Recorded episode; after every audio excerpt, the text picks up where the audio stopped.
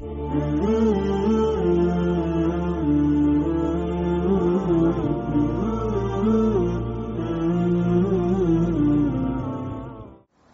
الحمد لله نحمده ونستعين به ونستغفره ونعوذ بالله تعالى من شرور أنفسنا ومن سيئات أعمالنا. من يهده الله فلا مضل له ومن يضلل فلا هادي له. وأشهد أن لا إله إلا الله وحده لا شريك له. وأشهد أن محمدا عبده ورسوله ثم أما بعد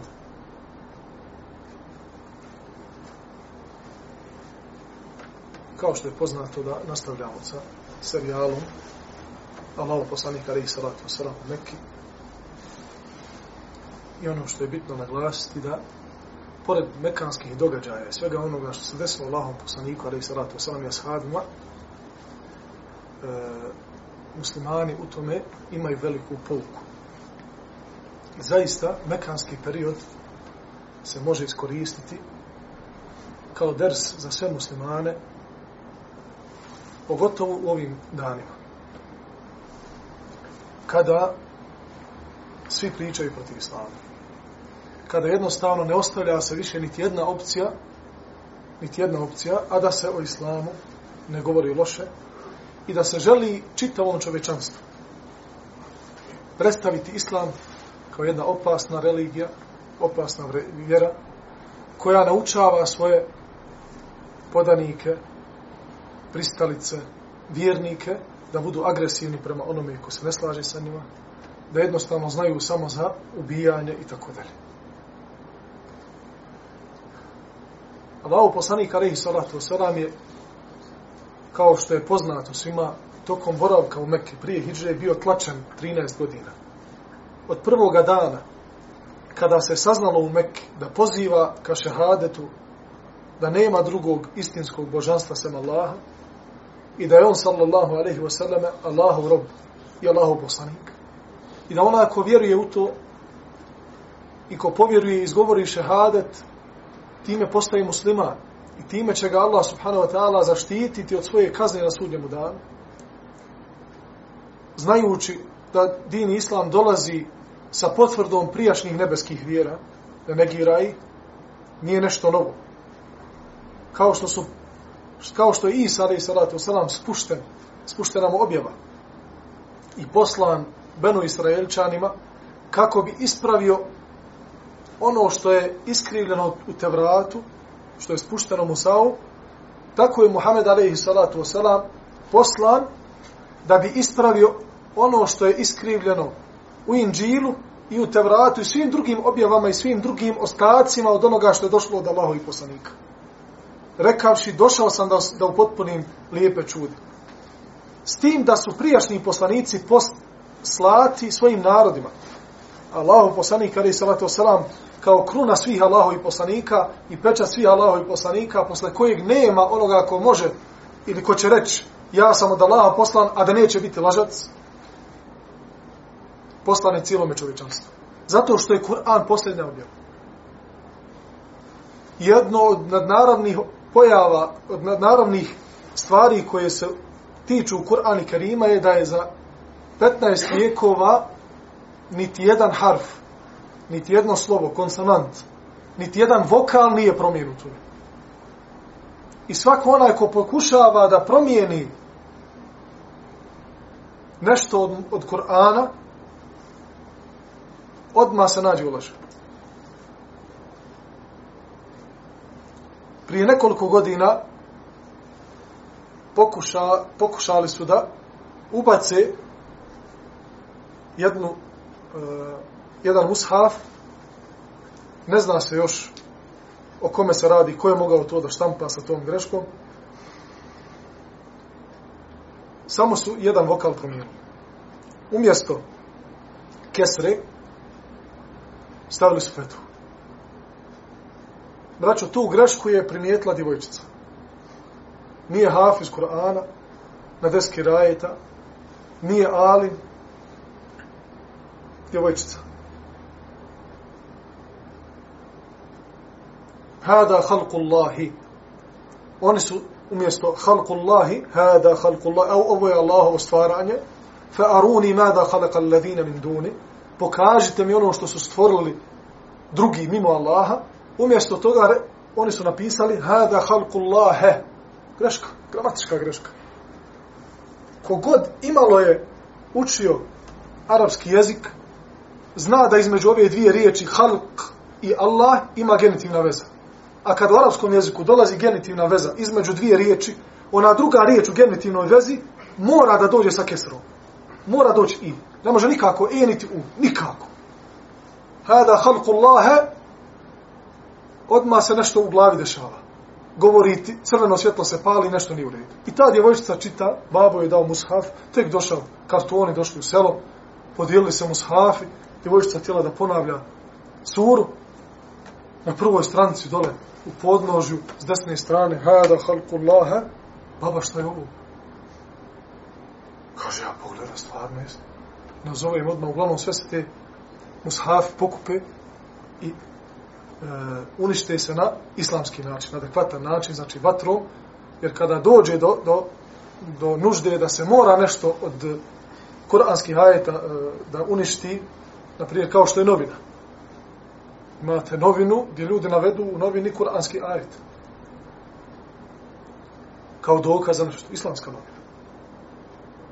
Ili spominje se riječ Allah u novini. Ili bilo kojem drugom časopisu. Ili mushafu koji je iskrivljen. Ili mushafima koga, koga je koje je zahvatila velika vlaga, ne može se više učiti iz njih i tako dalje. Ili bilo koji drugi islamski knjiga koji ima, ima uh, ajet ili Allahovo ime, to se uništava vatru. I to je dozvoljeno, iako postoji kod ljudi koji su neuki, vjerovanje, gdje ćeš, kaže, mushaf zapaliti. Gdje ćeš, kaže, to. Šta da radim sad? Dobro, ovo je greška. Kako uništiti to? Mora se uništiti. To što je neispravno. Znači, mora se uništiti na, na adekvatan način i ne smije se, znači, nije dozvoljeno, nije dozvoljeno baciti neku novinu, list papira u smeće, znajući da na tome ima Allahu ime. Taj problem nije toliko izražen kod nas u Bosni, koliko izražen kod Arapa. Zbog čega? Zato što je arapski jezik upita, arapsko pismo, tako da ne možemo, nema ni jedne novine na arapskom jeziku da nema Allahu ime. Nema, ne postoji. Zbog čega? Zato što ili je pisac teme određene, Abdullah, Abd, Abdurrahman, znači jednostavno, kroz taj časopis i velike se greške radi. Da ljudi uzmu islične novine, kao što se kod nas onaj, uzme novina, pa se stavi ispod tacne, pa se stavi uh, na natkasnu ili negdje na, na neka druga mjesta, ili obriše se pod ili prozor ili auto i tako da. To je, to je zabranjeno islamski učenjaci, to strogo zabranili. treba voditi računa bojaca Allaha po pitanju tih stvari. Također, kao što e, ti događaji u Mekki, imamo iz njih, mi muslimani, pogotovo sam rekao u, ovome sad periodu, u ovom, e, u, kako mi živimo sada, u ovim problemima, i ovoj globalizaciji problema u čitavom svijetu, također, koranski ajeti koji su spuštani, našem poslaniku, ali salatu salam, tokom boravka u Mekke, imaju, imaju svoju posebnost. Jer u većini slučajeva odgajaju pojedinca i društva a mi, smo se, mi ćemo se složiti svi do jednog sada, da ono što po najviše manjka muslimanima danas jeste islamski odgoj. Zbog čega? Jer donekle je lahko čovjeka ubijediti da treba da klanja. I da se drži određenih propisa. Tako. Zbog čega? Jer jednostavno kada mu kažeš i objasniš mu i on shvati obavezu namaza, on počne to da praktikuje. I od istog momenta kada se nauči da klanja, on je klanjač. Nema to. Međutim, islamski odgoj se ne može uzeti da da. Islamski odgoj je štit muslimanima od eventualnih problema i iskušenja na, sa kojima će se neminovno susretati u svakodnevnici, u svom životu, da li bračnom, da li socijalno, uopšteno, na ulici, u saobraćaju, u školama, na poslu. To je neminovno. Štit koji ćete štititi, da ne izađeš iz okvira islamskog ponašanja u tim situacijama, i da ne do Allah ne zaradiš grijeh u svemu tome, jeste islamski odgoj. A mekanski period je posebno posvetio pažnju islamskom odgoju. Znajući da Allahu poslanik ali salatu selam tokom boravka u Mekke odgajao ashabe na kaidskim principima. Znajući da je dobar dio sura i ajeta koji su objavljeni tokom Mekke govore o sudnjemu danu, govore o Allahu subhanahu wa ta'ala, govore o njegovim svojstvima, o njegovom stvaranju, o džennetu, o džehennemu, o ahiretu, o kaburu i tako dalje. Zbog toga je veoma bitno prisjećati se na te ajete i na događaje kako bi mi danas muslimani znali kako se ponašati i kako odgovoriti na izazove koji nas čekaju danju i noću. Jedno od bitnijih momenata Allahu poslanika alaih salatu wasalam i ashaba tokom boravka u Mekke. I ono što ih je učinilo da pobjede na istinu, da pobjede batil sa istinom, jeste njihova ustrajnost u islamu. Braćo moja, kad se ustrajnost u islamu spominje, ovako riječito, lako izgleda. Zar ne? Ustraj, uspjećeš. Zar nije Allahom poslaniku, ali i salatu wasalam, došao čovjek i rekao mu, Allaho poslaniča, taj hadis je uvršten, imam nevi ga uvrstio, jedno od 40 svojih hadisa, koji su, da kažemo, u malom zaokružili din islam. Uhvatio se, radi, eh, rahimahullahu ta'ala, za jedan slab hadis, koji se prenosi od Ali radi Allahu, da onaj ko bude naučio 40 hadisa i radio po njima, da će ga Allah uvesti u džennet. Tako. Ne, isa, ali lijepa zamisla. Imamo Nevevija, je 42 tačno hadisa, imam Ibn Ređeb, Hanbali je dodao još 8 na to, pa je zakružio na 50. Prelijepi hadisa koji zaista su bitni u životu jednog muslimana, da ih se drži. Između ostalog je hadis, je Allahom poslanik, ali salatu salam, došao čovjek, kaže, Allahom poslaniće, poduči me nečemu, što posle toga kada saznam zato što ćeš mi reći, neću imati potrebe da ikoga išta pita. Kažemo Allahu poslaniku, alaihi salatu wasalam, kul la ilaha illallah, thumma staqim. Reci la ilaha ila Allah, zatim ustraj. To je to. Drži se principa la ilaha illallah, živi la ilaha illallah, ustraj na la ilaha illallah, Allah, uspjećeš. Dobro, kada bi neko od vas pitao, Je li mi to dovoljno do ženeta? S pravom imam da kažem jeste. Drži se la ilaha illallah, Doćeš uz Allahovu pomoć, ako si iskren, doćeš do ženetske kapije. Između tebe i dženeta nema ništa drugo do smrta. A u tome jest problem. Kako ustrajati na, na la ilaha illallah? Kada pogledamo Allahu poslanika, alaihi salatu wasalam, i ashabe tokom boravka u Mekke, vidjet ćemo da nijednog momenta nisu posustali u din islamu. Niti jednog momenta nisu dali išaret, znak mušricima, da bi oni mogli jednog dana napustiti islam. I da bi mogli sa njima nekakav kompromis napraviti. Kao što su to htjeli mušrici. Da napravi kompromis sa Allahovim poslanikom, ali salatu wasalam, obožavat ćemo mi jedan, jednu godinu cijelu Allaha po tvojim principima. Pravi muhedi ćemo biti lebejk, Allahume lebejk, sve. Drugu godinu ti, lato, uzati, menati, tamo ne znam nekakvi ne bila bogovi, ti ćeš morati isto obožavati jednu. I opet ćemo mi sljedeću godinu, pa da napravimo nekakav miks. Ne. Sunce u desnu, mjesec u lijevu, ali to neću. Pa cijela galaksija kad moja bila pod mojim vlasništvom, kad bi nekakav notar mogu svjetski galaksi notar mogu da napravi ugovor sa onim zvijezdicama da je cijela galaksija pod tvojim imenom, ne smiješ da pristaneš, brate moj. Ne smiješ da pristaneš na to da napustiš la ilaha ilaha, Nikada. Iako je Kur'an i Kerimom došlo illa men ukrihe wa kalbuhu mutma innum bil, bil iman osim onaj koji bude primoran da počini kufr. u tom slučaju je dozvoljeno primoran, dođe čovjek sa, sa pištoljem i kaže uznevjeruj u Allah, postani kafir. Hoće te ubije. Kao što je bilo slučaj sa kojima shabom? Njegovim sinom. Ammar ibn Jasir. Ammar ibn Jasir, braću, kada je vidio svoju majku kako je ubijena, svirepo, i svoga babu, bio je mlad. Skoro se primio islama. Kada, su, kada je došlo red na njega da ga ubiju, rekao ja sam napustio vjeru Muhammeda. Ali njegovo srce je čvrsto bilo vezano za islam. Allah o tome kaže Kur'an i Karimu i opravdava Amara i daje olakšicu muslimanima do sudnjega dana da onaj kome je zapriječeno smrću da mu je dozvoljeno u tom slučaju da izgovori riječ kufra.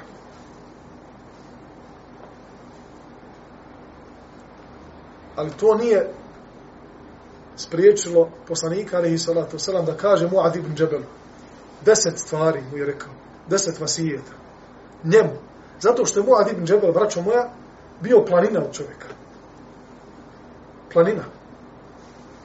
Nisi mogao očekivati od Muaze kada ga vidiš njegov, njegov dolazak, njegov islam, njegov ima, da on kada bi mu deset sabli neko izvadio na njega, da mu kaže izgovori riječ kufra, Muaz kaže njega. Leti glava sa ramena, ja li riječ kufra učinu neću. Pa mu kaže Allah, poslanik alaih salatu selam, znajući čvrstinu njegove vjere i njegov iman, kaže Muaze, nemoj uz nevjerovatu Allaha, nemoj izreći, izreći riječi kufra, pa makar te ubili ili te zapalili. Da ti kažu, ubacit ćemo tu u vatru sada, izgovorit ću kufra. Kaže, nemoj to nikad raditi.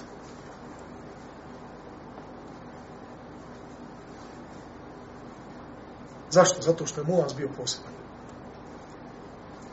Zato što Muaz je imao toliki iman da kada mu se izaprijeti smrću, odbija to. I na Allahovom putu gubi dušu, gubi tijelo, sve gubi ne. ne. Ja ostavim na šahadetu.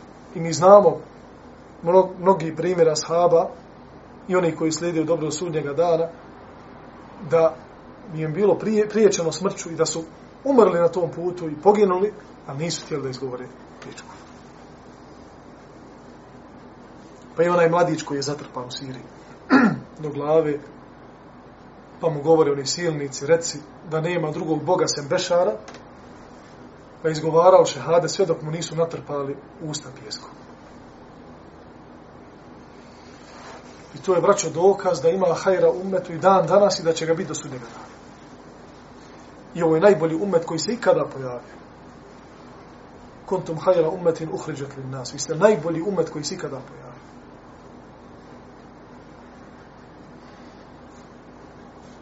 A šeho Lislam Ibn Taymiye kada je govorio o strajnosti rekao da je najveći keramet ehli sunnata wal džamaata el istiqametu fi din. Ustrajnost na Allahom putu. Ustrajnost na din Islamu. Ne, ne mijenja ehli sunna wal džamaata niti vrijeme, niti mjesto, ništa. Niti fitna ne djeluje na njih nikako. Zašto? Zato što se oni stalo vraćaju znanju ne vraćaju se emocijama. Braćo, onaj ko se vraća samo emocijama, brzo će zalutati.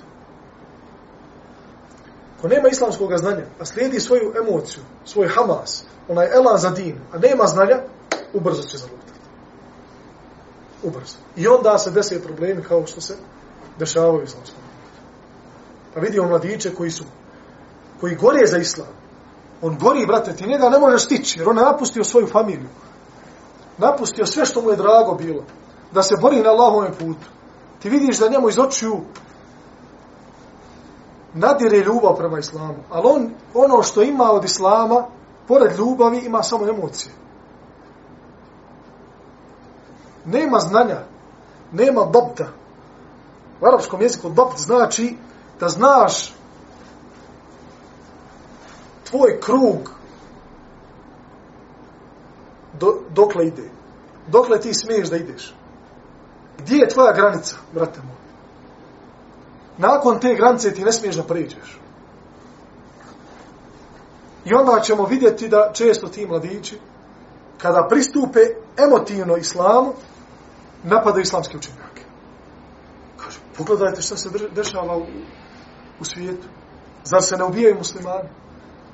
Zar se ne oskranjavaju najveće svjetine islama tako što se pali Kur'an, tako što se zlostavljaju sestre muslimanke? I on prime, priže tome emocionalno. Kaže, gdje je ulema da priča ovo? A kaže, kakva ulema? A nema od njih ništa. Još vidi tamo nekog islamskog učenja kako pije limonadu i sjedi u hladnoj prostoriji, tamo što ja znam, klima je napolje 40, on sjedi pod klimom uređajem, nije mu loše. I još pije tamo, donosi mu sok, pred njim jede. Gledaj, kaže, ovog taguta. Zar ima većeg taguta od ovoga? Sestra muslimanka se ubija ovamo, on sjedi jede jede. I on to sve fino ispriča i sjeće taj film, taj YouTube, stavi ga, uploaduje i dok ga uploaduje, ode u McDonald's. Dok se uploaduje, kaže, on treba dva sata, ajmo, kaže, brate, nazove onog svog drugog muahida, kaže, ajmo do McDonald'sa, kaže, da i naruči tamo sve pun sto, najdu se, kaj ja, oni ta guta, Kontradikcija. Kod većine tih mladića. E, I oni koji otišli su da se bore, a nemaju tog dapta, ne znaju gdje im je kraj. Ne slušaju islamsku lemu, nemaju znanja. Ruše sve što se suprostavlja njima, također griješi. Nema, potrebne su emocije u islamu. I emocija je ono što ona proizilazi iz imana. Nju ne može zaustaviti. Nikako je ne može zaustaviti. Onaj ko vjeruje u Allaha, on ima emocije. Međutim, te emocije, kao što svoju srđbu, kao što svoju srđbu, ukrotiš, pa je pustiš samo onda gdje Allah subhanahu wa ta'ala voli da se pusti srđba. Kad se Allahove granice prolaze. Tako i svoje emocije, brate. Usmjeriš ka pozitivnom, ne ka negativnom.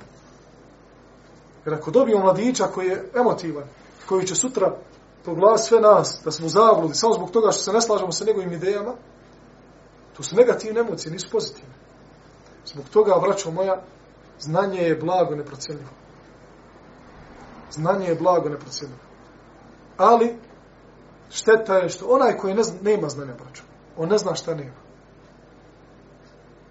Ljudi koji nemaju novaca, donekle mogu da dokuče šta ne imaju. Zašto? Zato što je to donekle opipljivo.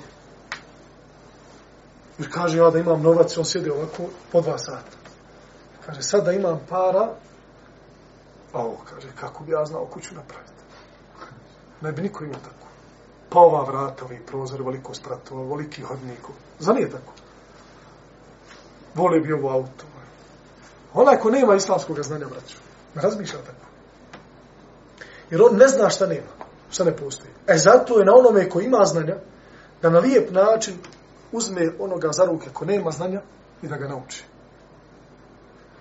Jer ti sada kada bi došao ti neko ko ima novaca, pare, kaže, sinko moj, slušaj, hođi vam.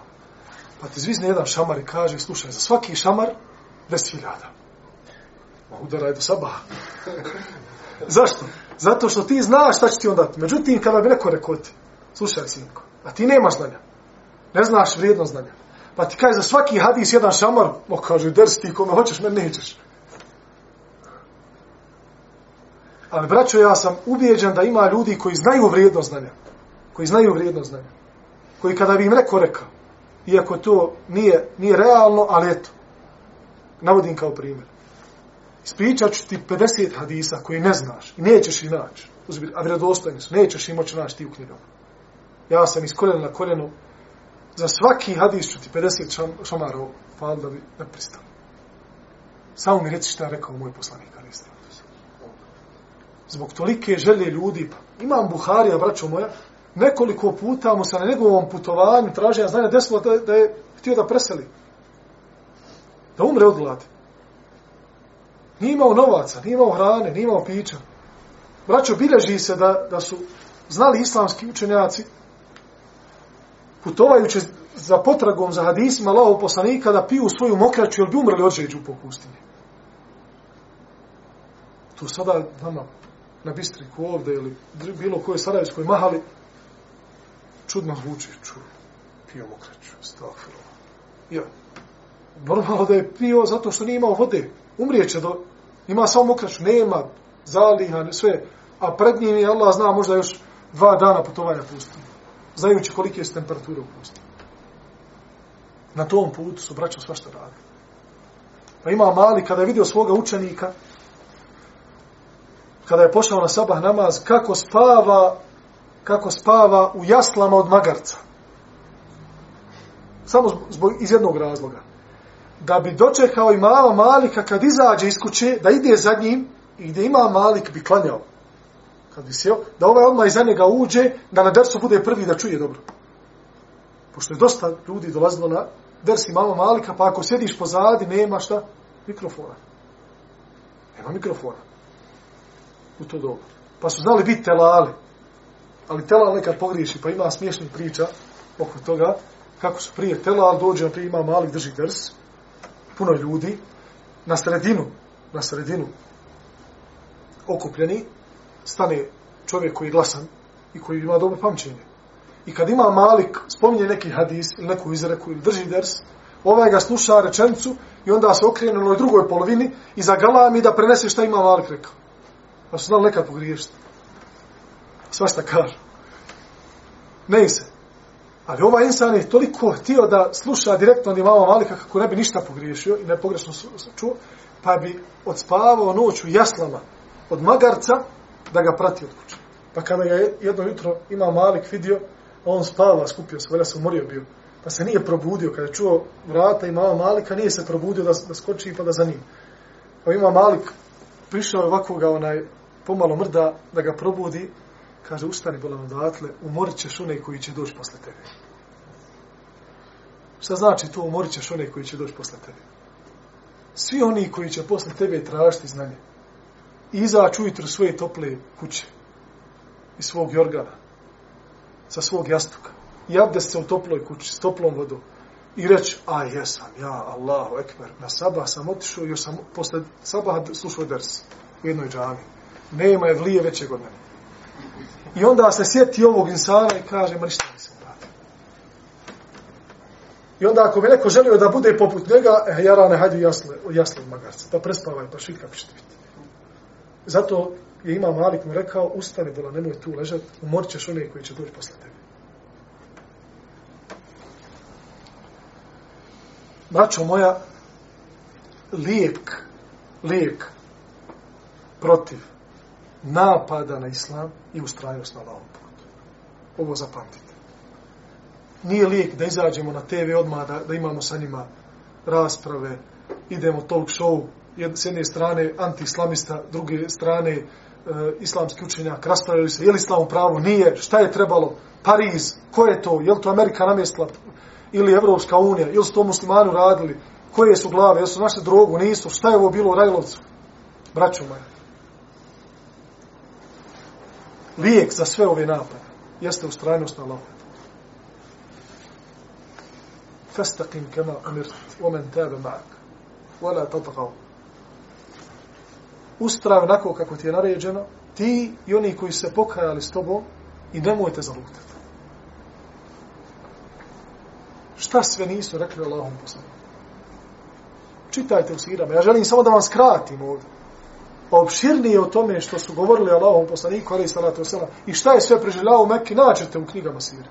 Ali ja želim samo da vam, da napravim jedan osvrt kako bi vam otvorio oči u određenim momentima. Pogotovo, kažem, u ovim danima. I u svim danima fitne. I napada na islam muslimane. Ustrajnost na Allahovom putu je lijek za sve napada na islam. Jednostavno ne osvrćati se na ono, jer ono što oni govore o nama, to nije istina. A ne istina kad tada će izgubiti. A istina kad tad će pobijediti yuridun li yutfi'u nur Allahi bi afwahihim. Nije ovo nova stvar. Šta se ovo svi oko protiv nas? Samo mediji pričaju. Allah kaže u Koranu, koji je spušten poslaniku, alaih salatu wasalam, prije 1400 i više od 60 godina. Žele da utrnu Allahovo svjetlo svojim ustima. Mediji. Samo što tada nije bilo televizora, nego je bilo pokućano. Pa se vijesti prenosile od čovjeka do čovjeka, od skupine do skupine. Isto što sada mediji rade, to su radili kurejši proti, proti Allahom poslanika. Nije nikakva novina, braćo moj. Wallahu mutimmu nurihi walau kerihel kafiru. Allah će upotpuniti svoje svjetlo, pa makar bilo nepravo nevjernice. Kao da ovaj kuranski ajet nam želi reći koliko god oni se borili protiv Islama i htjeli svojim ustima utrniti Allahom, Allahovo svjetlo, u tom momentu će Allah dati da se upotpuni njegovo svjetlo. Pa onda desi se 11. septembar i počne globalna propaganda protiv Islama i muslimana, odjednom se preko 20.000 poziva desi u raznim islamskim centrima da autohtoni Amerikanci koji su pobili Indijance i došli iz Britanije tamo, autohtoni nekih 300 nešto godina, prije toga nisu bili postojali. Žele da kupe ili nabave Kur'an da vide o čemu to govori Islam. A prije toga to nisu radili. A sve ono što Allah daje od kadera za muslimane od iskušenja, znajte da je to hajr po nas. Jer neće insana pogoditi neko iskušenje, da neće se na tom iskušenju zahvaliti Allahu, a da neće to dobro biti po njega. Zato je nama, braćo moje, naređeno da najmanje 17 puta dnevno kažemo Elhamdulillah. Naređeno. Znate kako? Ko, ko ima odgovor? Kroz Fatihu. Naređeno. Da prvu riječ koju kada staneš na namaz, koja ti je obavezna, obavezna, bez nje nema namaza, nakon što kažeš Allahu Ekber, sa tim Allahu Ekber si ušao u namaz. Tek si sada u namazu. Izgovorio si Allahu Ekber, to je rukn. Stao si pred Allaha, unutar namaza. Prva naređena riječ koja ti je naređena da je izgovoriš i bez nje namaz je neispravan onome koji poznaje Fatihu. Zašto ovo kažem koji poznaje Fatihu? Jer onaj koji je konvertit, tek se privati u Islama i želi da obavlja namaza, ne zna Fatihu, ne zna načela Islama, ne zna ništa o Islamu, njemu je dozvoljeno određeno vrijeme dok se ne poduči ruknovima Islama i namaza, da mu je dozvoljeno da uči bilo koji zikr da spominje Allaha kako bi klanjao i obavio namaz. Međutim, onaj koji poznaje Fatihu i onaj koji je mogućnosti da je nauči, njemu je prva naređena riječ u toku namaza 17 puta najmanje dnevno, naređena mu je da kaže Elhamdulillah, hvala Allah. Zato, moj brate, što ti kada kažeš Elhamdulillah, ti se u tom momentu zahvalio Allahu na svakom iskušenju koje te pogodilo. Allahu moj, šta god mu u ovom životu pogodilo, hvala ti. Izgubio sam imetak, hvala te. Nemam krov nad glavom svoj, hvala te. Imam to i to iskušenje, hvala te. Ne mogu da se oženim, nemam dovoljno novac, novaca mlad sam, živim sa roditeljima, hvala ti moj Allah sve što je od tebe je dobro. Zlo ne dolazi od Allaha.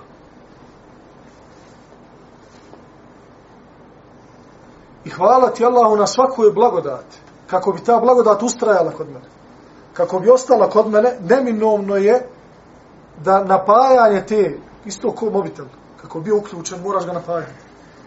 Moraš imati struju. Napajanje tvoje blagodati, tvog nijameta, koje koje imaš kod sebe, jedino možeš napojiti ga da bi ostalo sa elhamdulillah. Iako islamski učenjaci dodaju još na to, shodno kuranskom ajetu, fa emma bi ni'mete rabbike fa haddith, i govori priča o Allahovim blagodatima, da je to jedno od uvjeta da bi tvoja da blagodat ostala kod tebe, iako je osnova, braćo moja, da ako želimo da određene blagodati koje uživamo, koje nam je Allah dao, tokom boravka na ovom svijetu, tokom života, da bi opstale kod nas, moramo se Allahu zahvaljivati na njima. Pored toga, da dajemo toj blagodati njen hak. Ako imaš imetka, Allahov hak u tom tvom imetku je, vrate moj, ako je dosegao nisab, da daješ zekat. Da bi to ustrajao.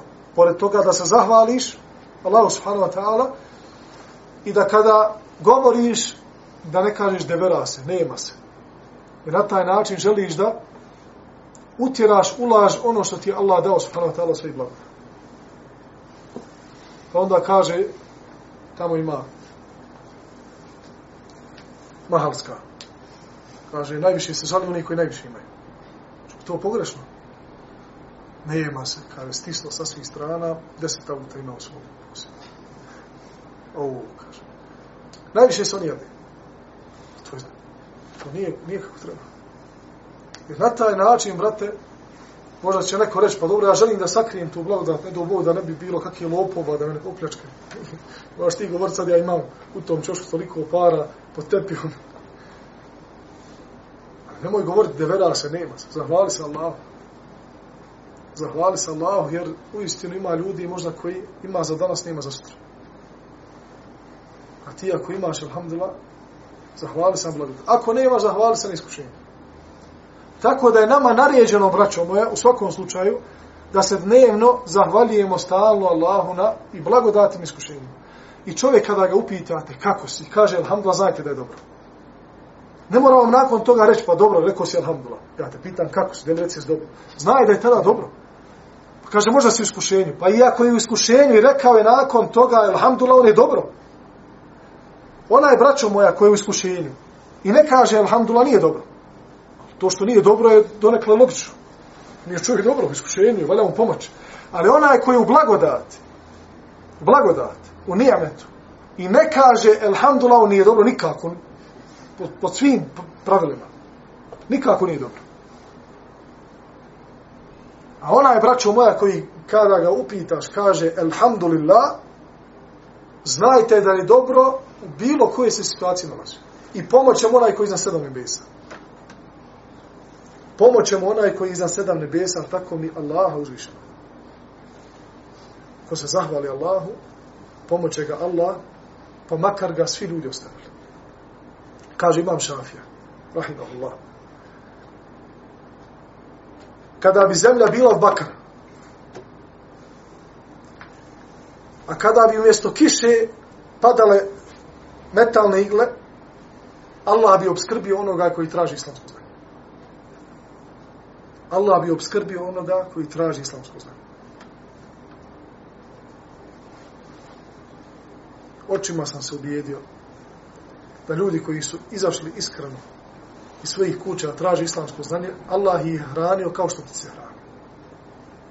Izašli su iz svih normi i pravila ovog svjetskog života.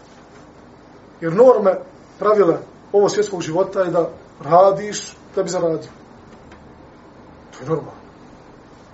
Moraš raditi da bi zaradio. Ne radiš, sjedi u kući i ćemo da plaćaš. svojim očima sam vidio ljude koje Allah hranio poput ptica. Pa ako mu treba 20 maraka, pošalje onoga koga on ne zna nikad ga u životu nije vidio pokuca na vrata i kaže ja sam ti donio 20 maraka. Salam alaikum. Samo ovdje kaže. A ovo je bilo potrebno 20 maraka. Novodim kao primjer. Tako mi je Allah, ovo sam vidio svojim očima. Tako da nemojte se bojati. Ono što je na nama, jeste da radimo i da uradimo ono što Allah od nas traži. A nemojte misliti i loše Allahu misliti da, će, da Allah neće uraditi ono što je do njega. Nikad. Inna Allah la yukhlifu mi'ad. Allah svoje obećanja nikada prekršiti neće. Ljudi mogu prekršiti. Mogu te zafrkati. Mogu te okrenuti leđa, Allah nikad nikada Allah neće okrenuti leđa onome ko se okrenio prema Allahu. Čak je došlo u vjerodostojnom hadisu da onaj koji krene Allahu hodeći, Allah ide prema njemu trčeći. To jest, da onaj koji okrene svoje srce prema Allahu, Allah mu otvori opcije islama. Pa mu omili vjeru. Učvrsti mu ima u njegovom srcu. Učini mu njegova prsa prostranim osjeća ljepotu islama. Samo zbog toga što je rekao Allahu ja želim tebe. Želim tvoj džernet. Samo zbog tog njegovog unutrašnjeg tijenja za Allahom, Allah mu otvara opcije koje nikada nije sanjao u životu, će mu se otvoriti. I tako je sa onima koji plove ka Allahu. Stalno je tako sa njima. Od Nuh a.s. od Adem a.s pa do sudnjega dana svi vjernici su takvi. I zato Ibn Taymiye kaže kada bi vladari znali šta se nalazi u našim prsima, borili bi se i sukali bi svoje sablje da nam to otru. Zbog tog osjećaja koji mu'min osjeća kada mu Allah dadne osjećaj ljepote ka islamu i prema svema, svema onome što je fino i što je lijepo i što je pohvaljeno, a omrzne mu sve ono što je ružno i što je pokuđeno. I zato Allah kada opisuje vjernike, kaže وحبب إليكم الإيمان وزينه في قلوبكم وكره إليكم الكفر والفسوق والعصيان يا الله تعالى koji vam je omilio iman u vašim prsima. I ukrasio vam iman vjeru u sebe u Allaha jednoga jedinog ukrasio ga u vašim prsima u vašim srcima. Šta znači ukrasio? On je to načinio. Nisi ti to, brate, ni sanjao da će se to tako desiti. Da će tvoj iman toliko biti velik. Da će ti toliko voliti Allaha da bi htio da izgubiš svoje tijelo i svoju dušu, da sve žrtuješ na svijetu, samo da bude Allah sa tom zemlom. Nisi ti mogao ni sanjati to. وَكَرَّهَ إِلَيْكُمُ الْكُفْرَ وَالْفُسُوكَ وَالْعِسْيَانِ I omrzno vam je, omrzno vam je nevjerstvo, veliko griješenje i prljava djela. I onda dođe, kaže, kako onoga sam, kaže, da juče vidio tamo, drogira se, pije, pomahali ko vajk sad onom prvom safu. Brate moj, nije on ko bajagi u prvom safu, nego Allah njegovo srce okrenuo ka islamu. Nije on ko bajagi u islamu, niti u prvom safu. I onda ima veću žar za islamom, nego što imaju oni koji prakticiraju islam 20 ili 30 godina. Pusti ga, brate moj, nemoj mu zaviti na tome. Ako on hoće da uđe, uđe u prvi stav prije na pola sata ezana, što mu to osporavaš? Zar si ljubomoran na to? A ne trebaš da budeš ljubomoran, nego treba da budeš ponosan da u tvom džematu ima jedan mladić kome nije mrsko pola sata na dva rekiata da stoji. Ako je tebi mrsko, brate, to između tebe i tvoje duše, ali nemoj sprečavati onoga onome kome nije mrsko. Pa ga pusti, ako se ne možeš već naticati na nje, sa njim, makar ga zavoli u ime Allaha, pa ako je bolji kod tebe, ko, od tebe kod Allaha, možda će te Allah proživiti sa njim negdje u društvu.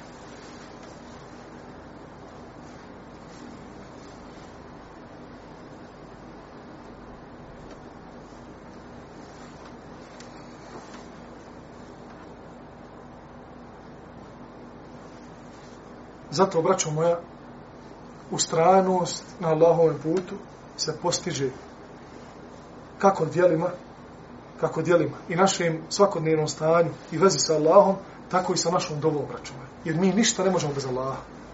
Nemojmo sebe umisliti. Nemojmo sebe umisliti. Da ovo što radimo mi za Islam, i ovo što radimo, i ovo što prakticiramo Islam, da je to do nas. Da je to... Mi smo takvi, mi smo jaki, nama su čista srca, to je... Ko je... Sve je ovo blagodat od Allaha koji nam je dao, on se ne pita kome je dao, kome nije. La yus'alu amma yef'alu wa hum yus'alun. Ne pita se Allah ono što radi, oni će biti pita. Nego, brate moj, znaj da svaka blagoda od imana i od pokornosti Allahu, da ti je to dar od Allaha. jednog. Zato, brate moj, je često bila dova Selefa, da su govorili ja mu kallib al kulubi thabbit kalbi ala dinik. Zato što su znali ovo. Da je najveća stvar u islamu ustrajati u njemu. O, ti koji okrećeš srca, učvrsti moje srce na islamu. To je bila njihova svakodnevnica. To su stalno činili zato što su znali opasnost od toga da zaradiš nedu Allah zabudu ne do Allah da zaradi zabludu. Svojim dijelima i svom stanju lošem prema Allahu da čovjek zaradi zabludu, pa onda zovnete mladić, plače suza suzu oni. I kaže, ja bi Allaha mi u džamiju došao. Evo, hoću za Kur'an, gledam u njega, ali mu kaže da ga otvori. Izgubio iman, brate. poigrao se sa Allahom. Poigrao se sa vjerom. Pa onako kako mu je Allah darovao i dao mu kao dar iman i u njegova i njegovo srce, i njegova pluća, i njegovo, njegovo znači, stanje, njegovu dušu, poslao iman. Tako mu isto uzeo.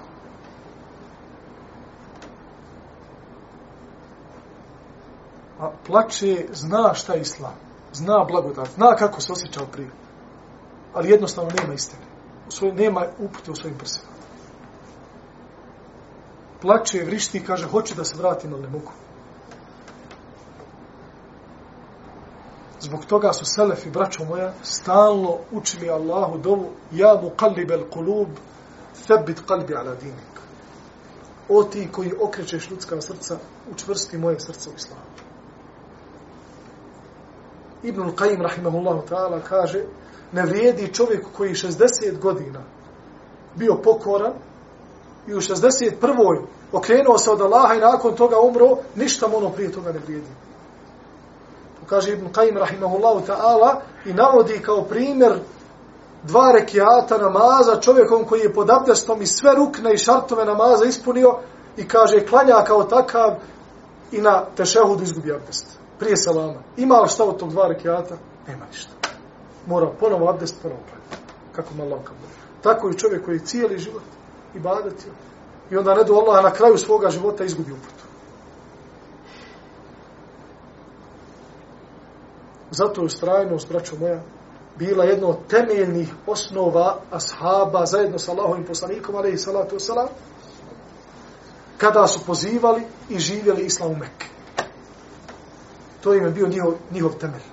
Da ono čega se primati, da, to, da, da su na tome ustrajeni.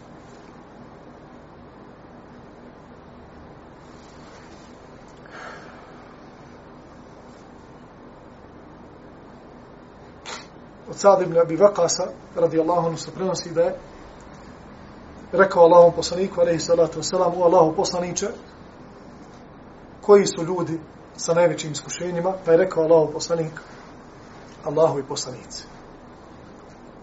Oni podnose najveća iskušenja. Zatim oni koji su slični njima. U ibadetu, u imanu. Fel amthal. Zatim oni koji su ispod njih. Tako po deređama najveći iman u Allaha i najveće znanje u Allahu imaju Allahovi poslanici, bez dvojbe. Znajući da Allah poslanik to rekao onoj trojici koji su se zavjetovali, da jedan neće čitavu noć spavati, a će klanjati, jedan se neće žen, drugi neće mrziti, to je svaki dan će postiti. Pa je rekao Allah poslanik, zaista se ja najviše bojim Allaha. Više se bojim Allaha od vas, ali i klanjam i spavam, ženim se i e, postim, a ima dana kada ne postim, men ragiba min sunneti felejse minni, ko se odali od moga sunneta, nije od mene. To jeste, neće biti blizu Allahu poslanika, ali salatu sallam, na sunnjemu danu.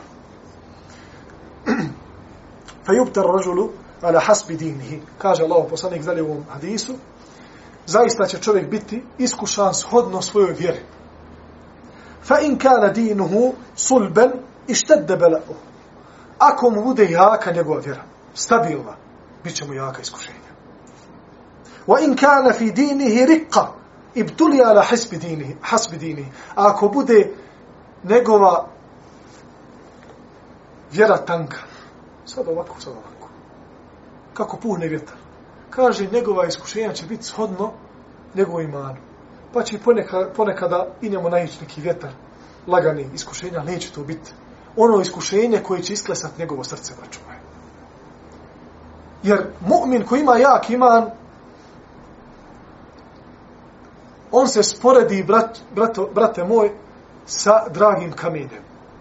Čovjek sa jakim imanom, vjernik sa jakim imanom, on je rijetki materijal, poput zlata, poput dijamanata. Da bi nešto učinio, da bi nešto uradio, da bi nešto izgledalo fino to zlato ili taj dijamant, mora se dobro izrubiti i na velike temperature staviti kako bi izgledalo fino. Takav je vjernik, tačno. Da bi se očistio od one prljavštine koja mu svaki dan uh, udara ga u lice od fitne, od ovoga, od onoga što on vidi, što čuje, što govori, što je prije radio, da bi se svega toga očistio, brate moj, Allah subhanahu wa ta'ala šalje mu jake temperature. To jeste jaka iskušenja. Kako bi očistio sa sebe bilo svaki onaj dio prljavštine, فَأَمَّا الزَّبَدُ فَيَدْهَبُ جُفَاءَ pa da bi ono što ne koristi ljudima, što je bez veze, da bi otišlo u zaborav. Wa amma ma yanfa'u an-nasa fa yamkuthu ard, a ono što koristi ljudima ostaje. Kazalike jadribu Allahu l'amthal. Tako Allah vama navodi primjere.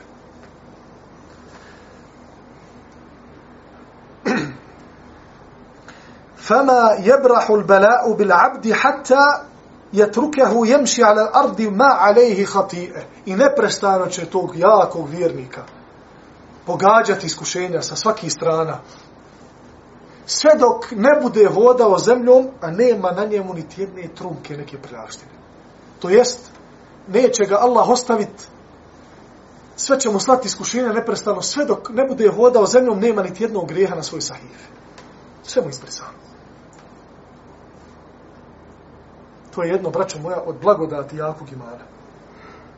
Da jak iman je rezultat na kraju čega brisanje grijeha. Jer onaj ko ima jak iman, ima će jaka iskušenja. Ko ima jaka iskušenja, izdrži na njima, Allah će mu tim iskušenjima brisati njegova loša djela, pa ćemo dobiti ne 24 karatno zlato, nego 100 karatno zlato, pa imamo vjernika koji je, kada ga samo pogledamo, braćo moja, vredniji od bilo kojeg dragog kamenja.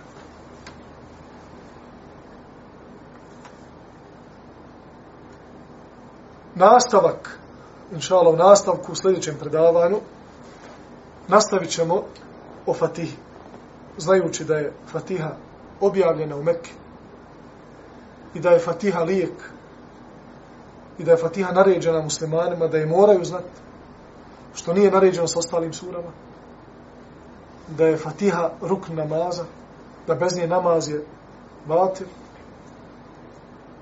o njenim pojedinostima o tajnama i ono što sadrži Fatiha u sebi od značenja i hadisi koji govore o blagodati Fatihe, govorit ćemo inša Allah ta'ala u narodnom predavanju, molijeći Allaha da nam dadne ono znanje koje je korisno i da nas okoristi od onoga što naučimo.